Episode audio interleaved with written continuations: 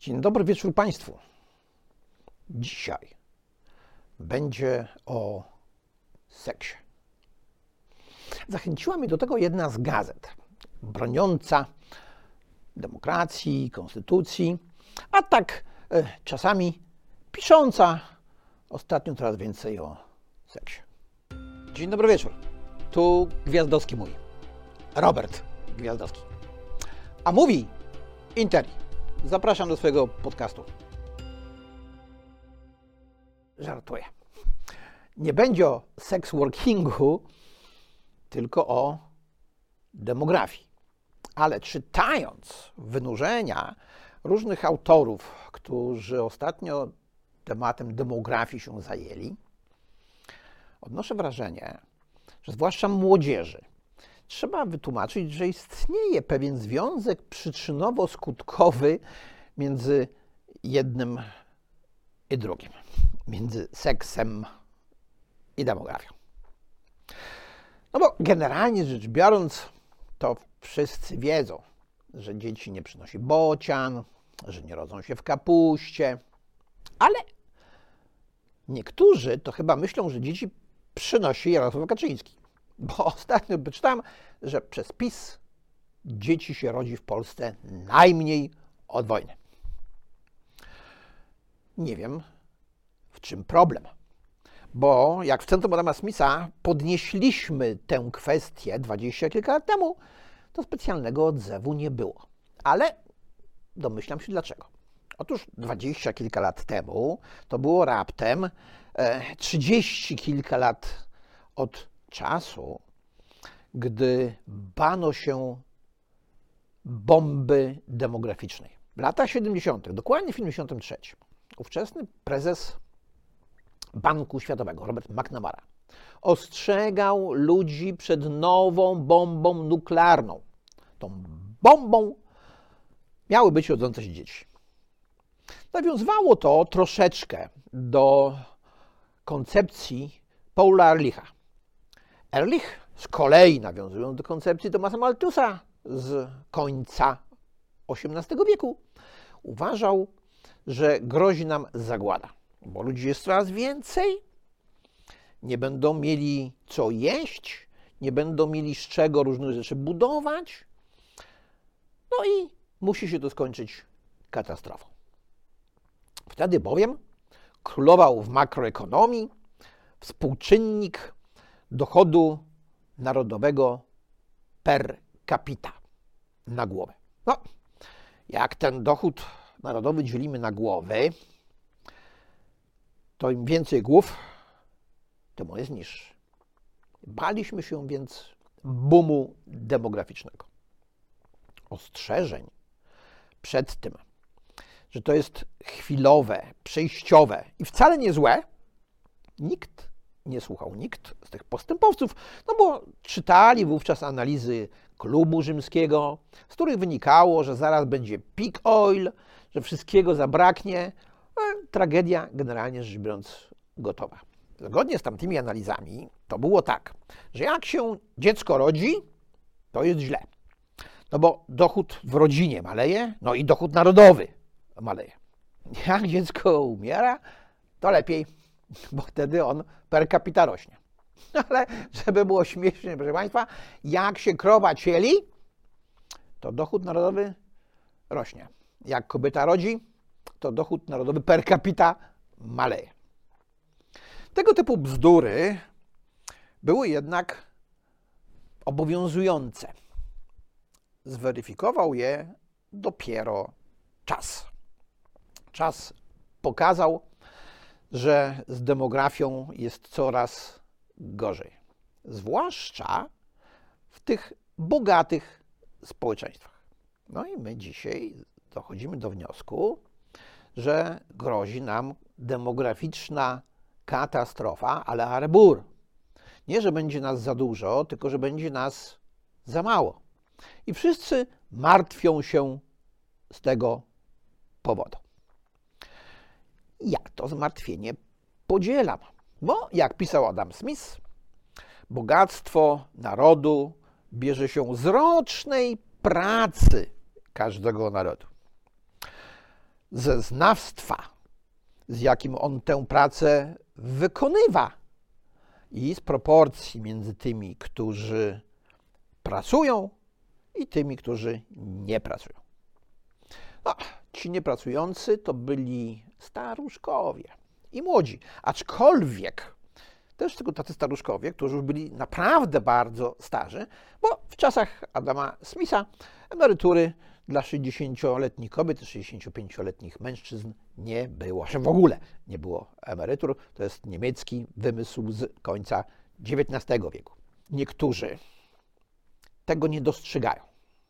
Nie dostrzegają, że bogactwo narodów nie zależy od tylko od ziemi, którą wykorzystujemy, czy od kapitału tego finansowego, który mamy, ale właśnie od pracy. Od ilości pracy i jakości pracy, od liczby tych, którzy pracują i od efektywności, z jaką swoją pracę wykonują. Tej efektywności tak łatwo podnosić się nie daje. Teraz będzie trochę łatwiej, bo roboty, komputeryzacja, mechanizacja, ale w dalszym ciągu ilość tej pracy, czyli liczba ludzi pracujących, pozostaje dosyć istotna. I co to ma wspólnego z tym seksem? No ano, to mianowicie, że aby miał kto pracować, to najpierw musisz urodzić. A tu związek przyczynowo-skutkowy jest już bliski. Prognozy demograficzne są prościutkie, prościuteńkie, w odróżnieniu od prognoz ekonomicznych. Bo wystarczyło w roku 2000 zajrzeć do rocznika statystycznego i sprawdzić, ile osób urodziło się w roku 1960.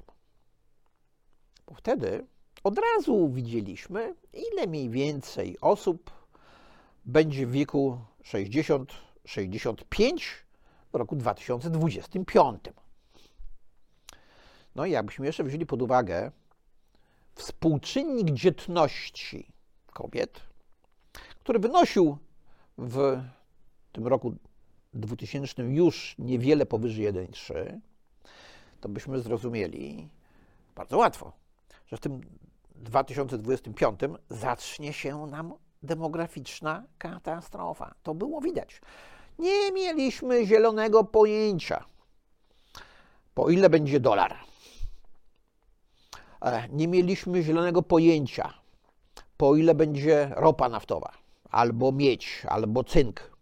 Ale mniej więcej wiedzieliśmy, jaka będzie proporcja między tymi, którzy pracują i tymi, którzy tego już nie czynią. Ale to ignorowaliśmy. Dziś burza. Dzisiaj burza. Otwieramy gazetę i czytamy, że 68% Polek nie chce mieć dzieci. Tylko, że jest jeden problem.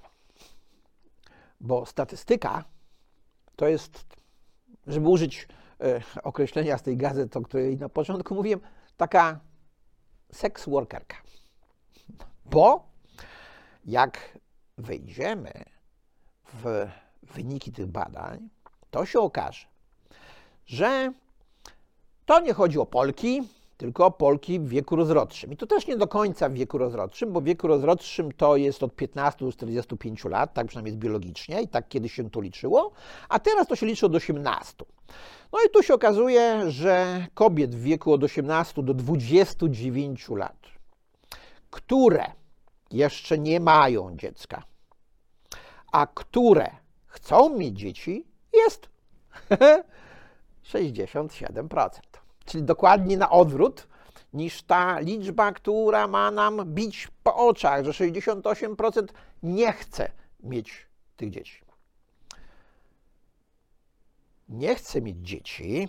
97% kobiet w wieku 35-45, które, uwaga, uwaga, mają już dwoje lub więcej dzieci. No to jak sobie porównamy tych 97% z tamtymi e, 33 e, zestawimy, podzielimy, to nam wychodzi około 68.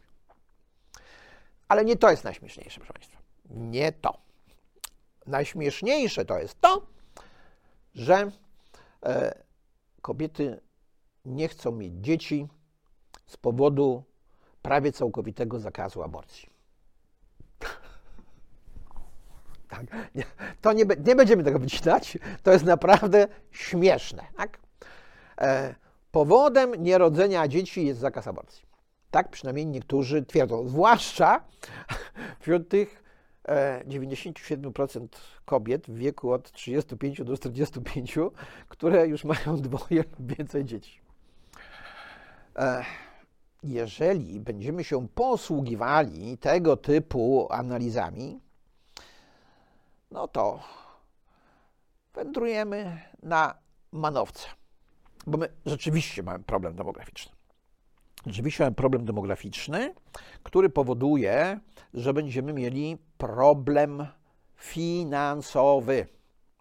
No bo my musimy zestawić tych staruszków którzy się urodzili w 1960, jak ja, i którzy zaraz będą szli na emeryturę, z tymi młodzieniaszkami, którzy dopiero zaczynają pracować i będą musieli pracować na moją emeryturę. Znaczy, na moją niekoniecznie, ale. Yy, a w zasadzie dlaczego niekoniecznie? No przecież płacę składki, to mi się należy jak psu zupa, generalnie rzecz biorąc. Więc jeżeli będziemy w tej sytuacji demograficznej w dalszym ciągu epatowali argumentami, jak to czynią niektórzy, że przecież e, wiek emerytalny to trzeba jeszcze nawet obniżyć, a już nie daj Boże nie podwyższać, no to fakt, że mamy zapaść demograficzną, będzie rzutował na nas bardzo mocno. Ja już o tym wielokrotnie Państwu opowiadałem. No może nie wielokrotnie e, w tym wideoblogu, e, ale chyba też kiedyś mi się to zdarzyło. Zamiast dwadzieścia kilka lat temu powiedzieć ludziom, że emerytury będą niskie, bardzo niskie i w związku powyższym trzeba podwyższyć wiek emerytalny, to my tworzyliśmy obowiązkowe fundusze emerytalne, OFE. Znaczy, one się oficjalnie nazywały otwarte fundusze emerytalne, ale one były obowiązkowe, więc ta nazwa, ten skrót jest bardziej adekwatny. Niemniej dziś rozważania o demografii są mocno spóźnione, bo wydarzyło się coś, co w demografii nazywa się momentum. Otóż jak przez dłuższy czas utrzymuje się niski poziom dzietności kobiet, no to wówczas mamy kłopot polegający na tym, że on się w pewnym momencie wyraźnie załamuje. No, prosta statystyka. Jak ta dzietność kobiet wynosi 1,3, to znaczy, że 100 kobiet rodzi 130 dzieci, to znaczy, że z tego jest tam 65 dziewczynek, to 165 dziewczynek, jak rodzą 1,3 każda, e, no to rodzą nam około 80, no to z tego jest 40 dziewczynek i to spada. Problem polega na tym, że w pewnym momencie z tego 1,3 schodzimy do 1,1 i potem już jest w ogóle szybka katastrofa. Okazuje się więc dziś, że ani Robert McNamara, ani Paul Ehrlich, ani wcześniej Thomas Malthus nie mieli racji. Się kompletnie mylili. Notabene był taki facet, który Ehrlichowi wytknął to i wykazał już w latach 80. Nazywał się e, Simon. Julian Simon. On zaproponował w roku 1980 Ehrlichowi zakład.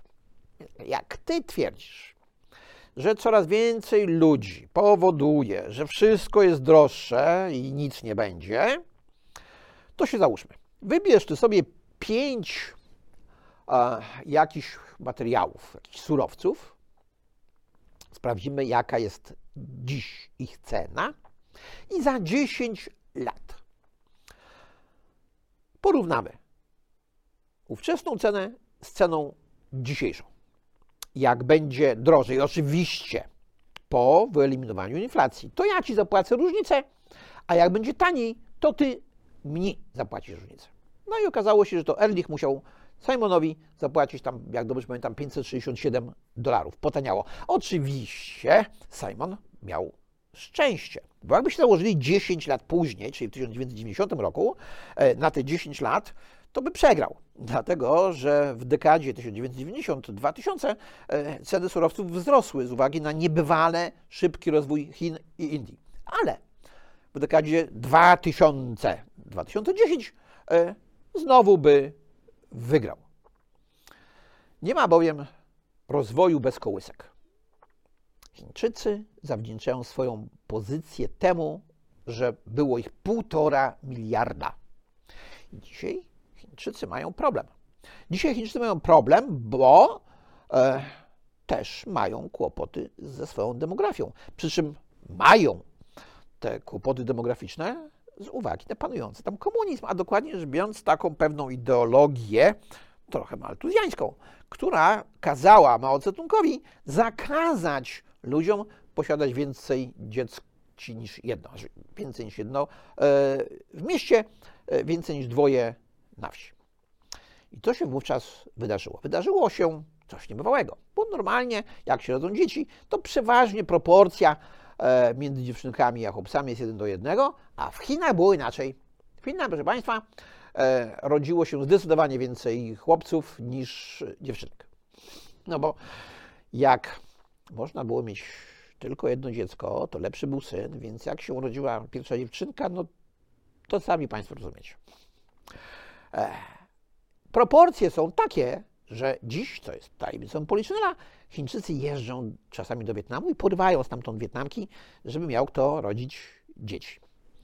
To jest kolejny istotny element propagandy demograficznej, która dzisiaj się pojawia.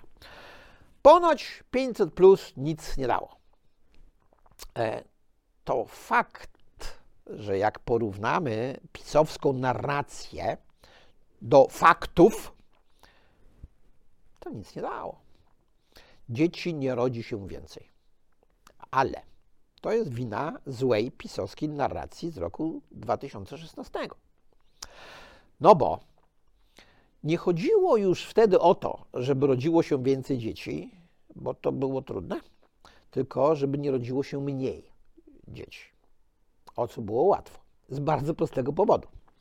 Tego mianowicie, że w kolejnych rocznikach rodziło się wcześniej, dwadzieścia kilka lat wcześniej, coraz mniej dziewczynek.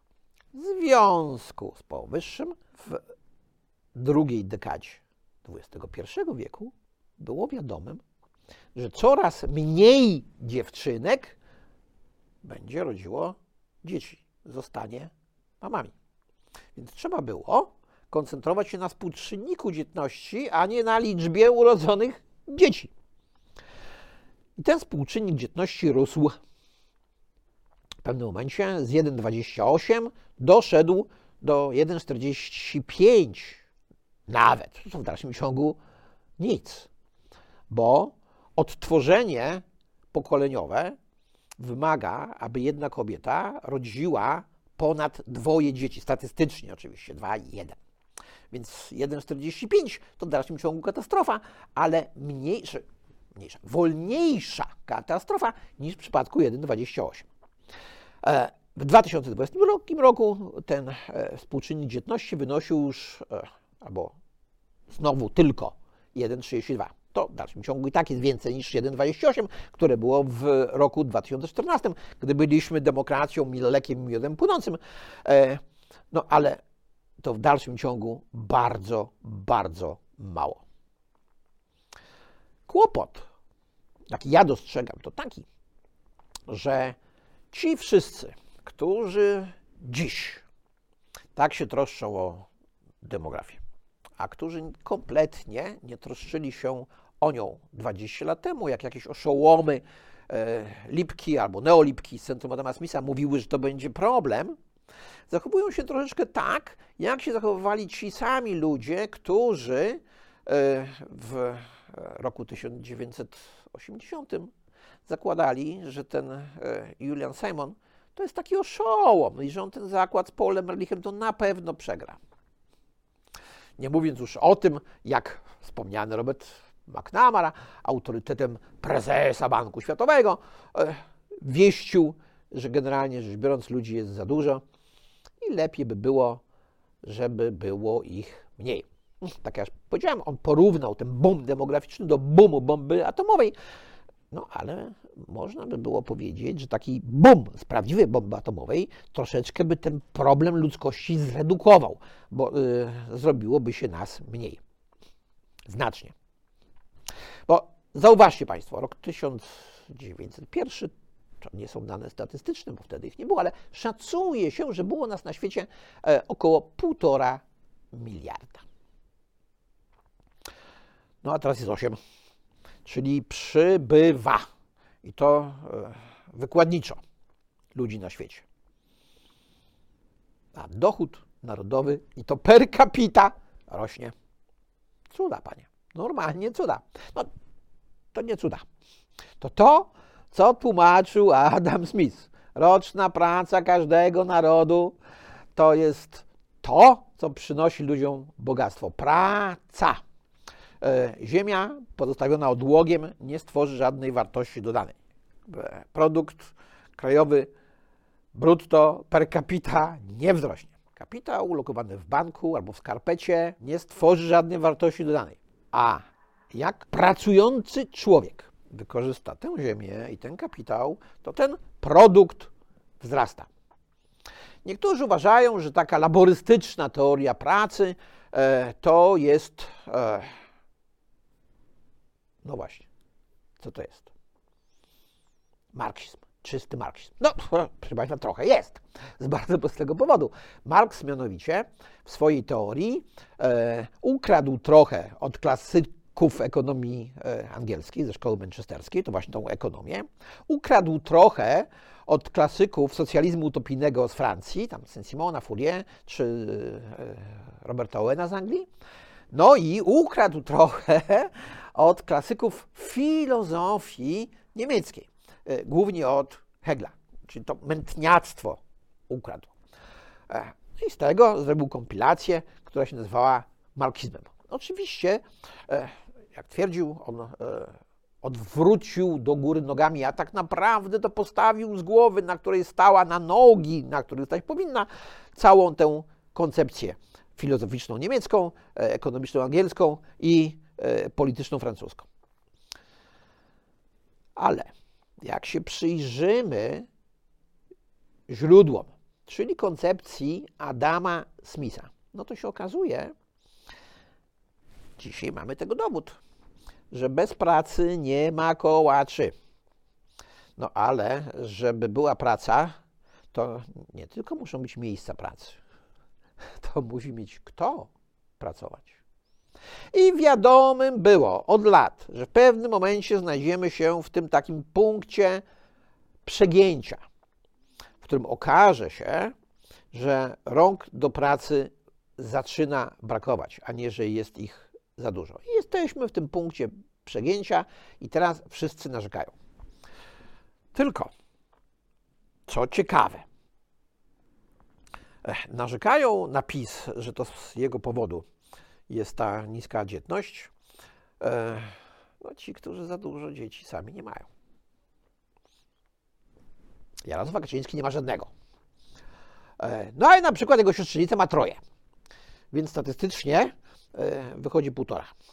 A statystyczna w całym naszym narodzie to jest 1 i 3, czyli mniej. E, jaka z tego nauczka? No, nauczka jest dosyć banalnie prosta.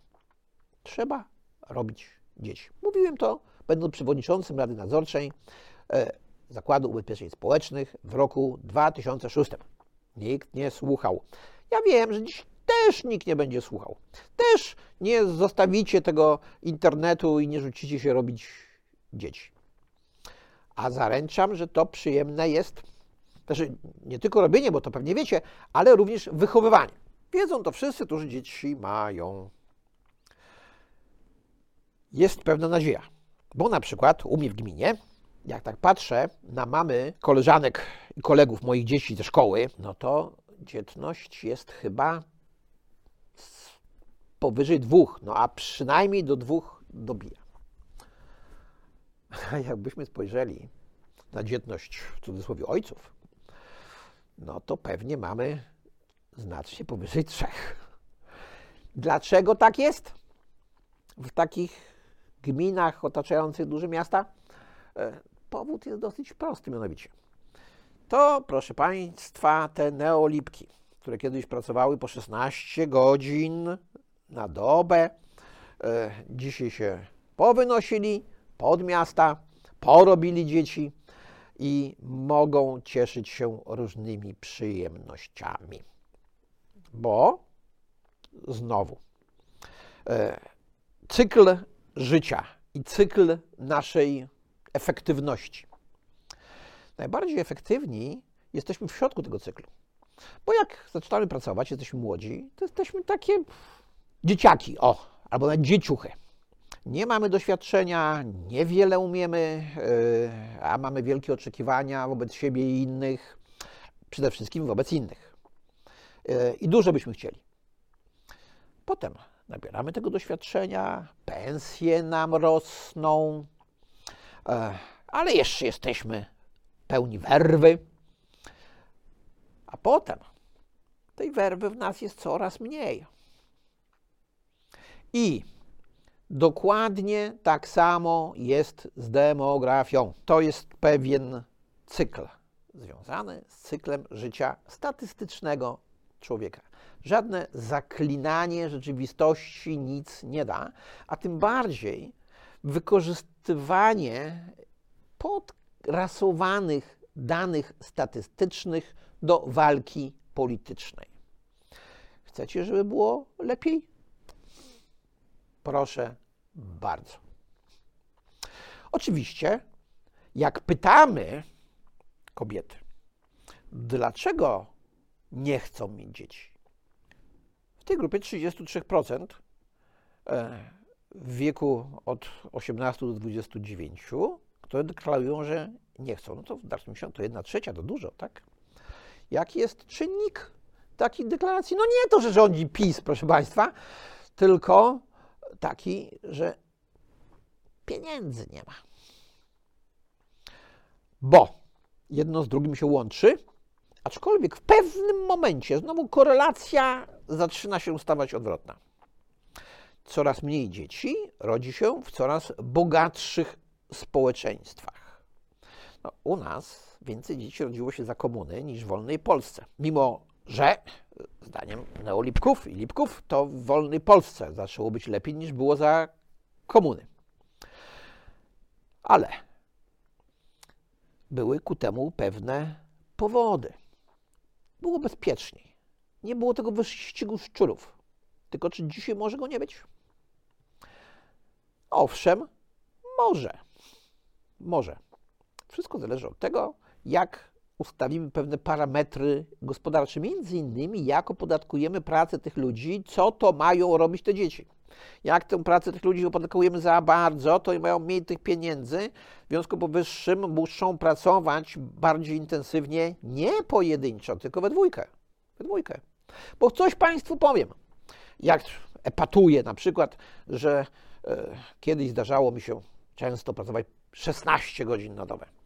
No tak, ale rozkładaliśmy to na dwoje, czyli średnio e, wychodziło 8.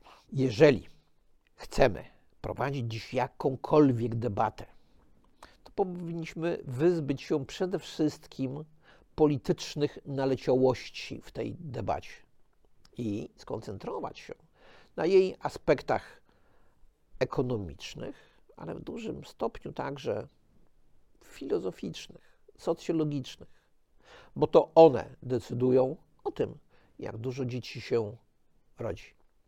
A jedno jest pewne: te dzieci, które się nie urodziły, się nie urodziły.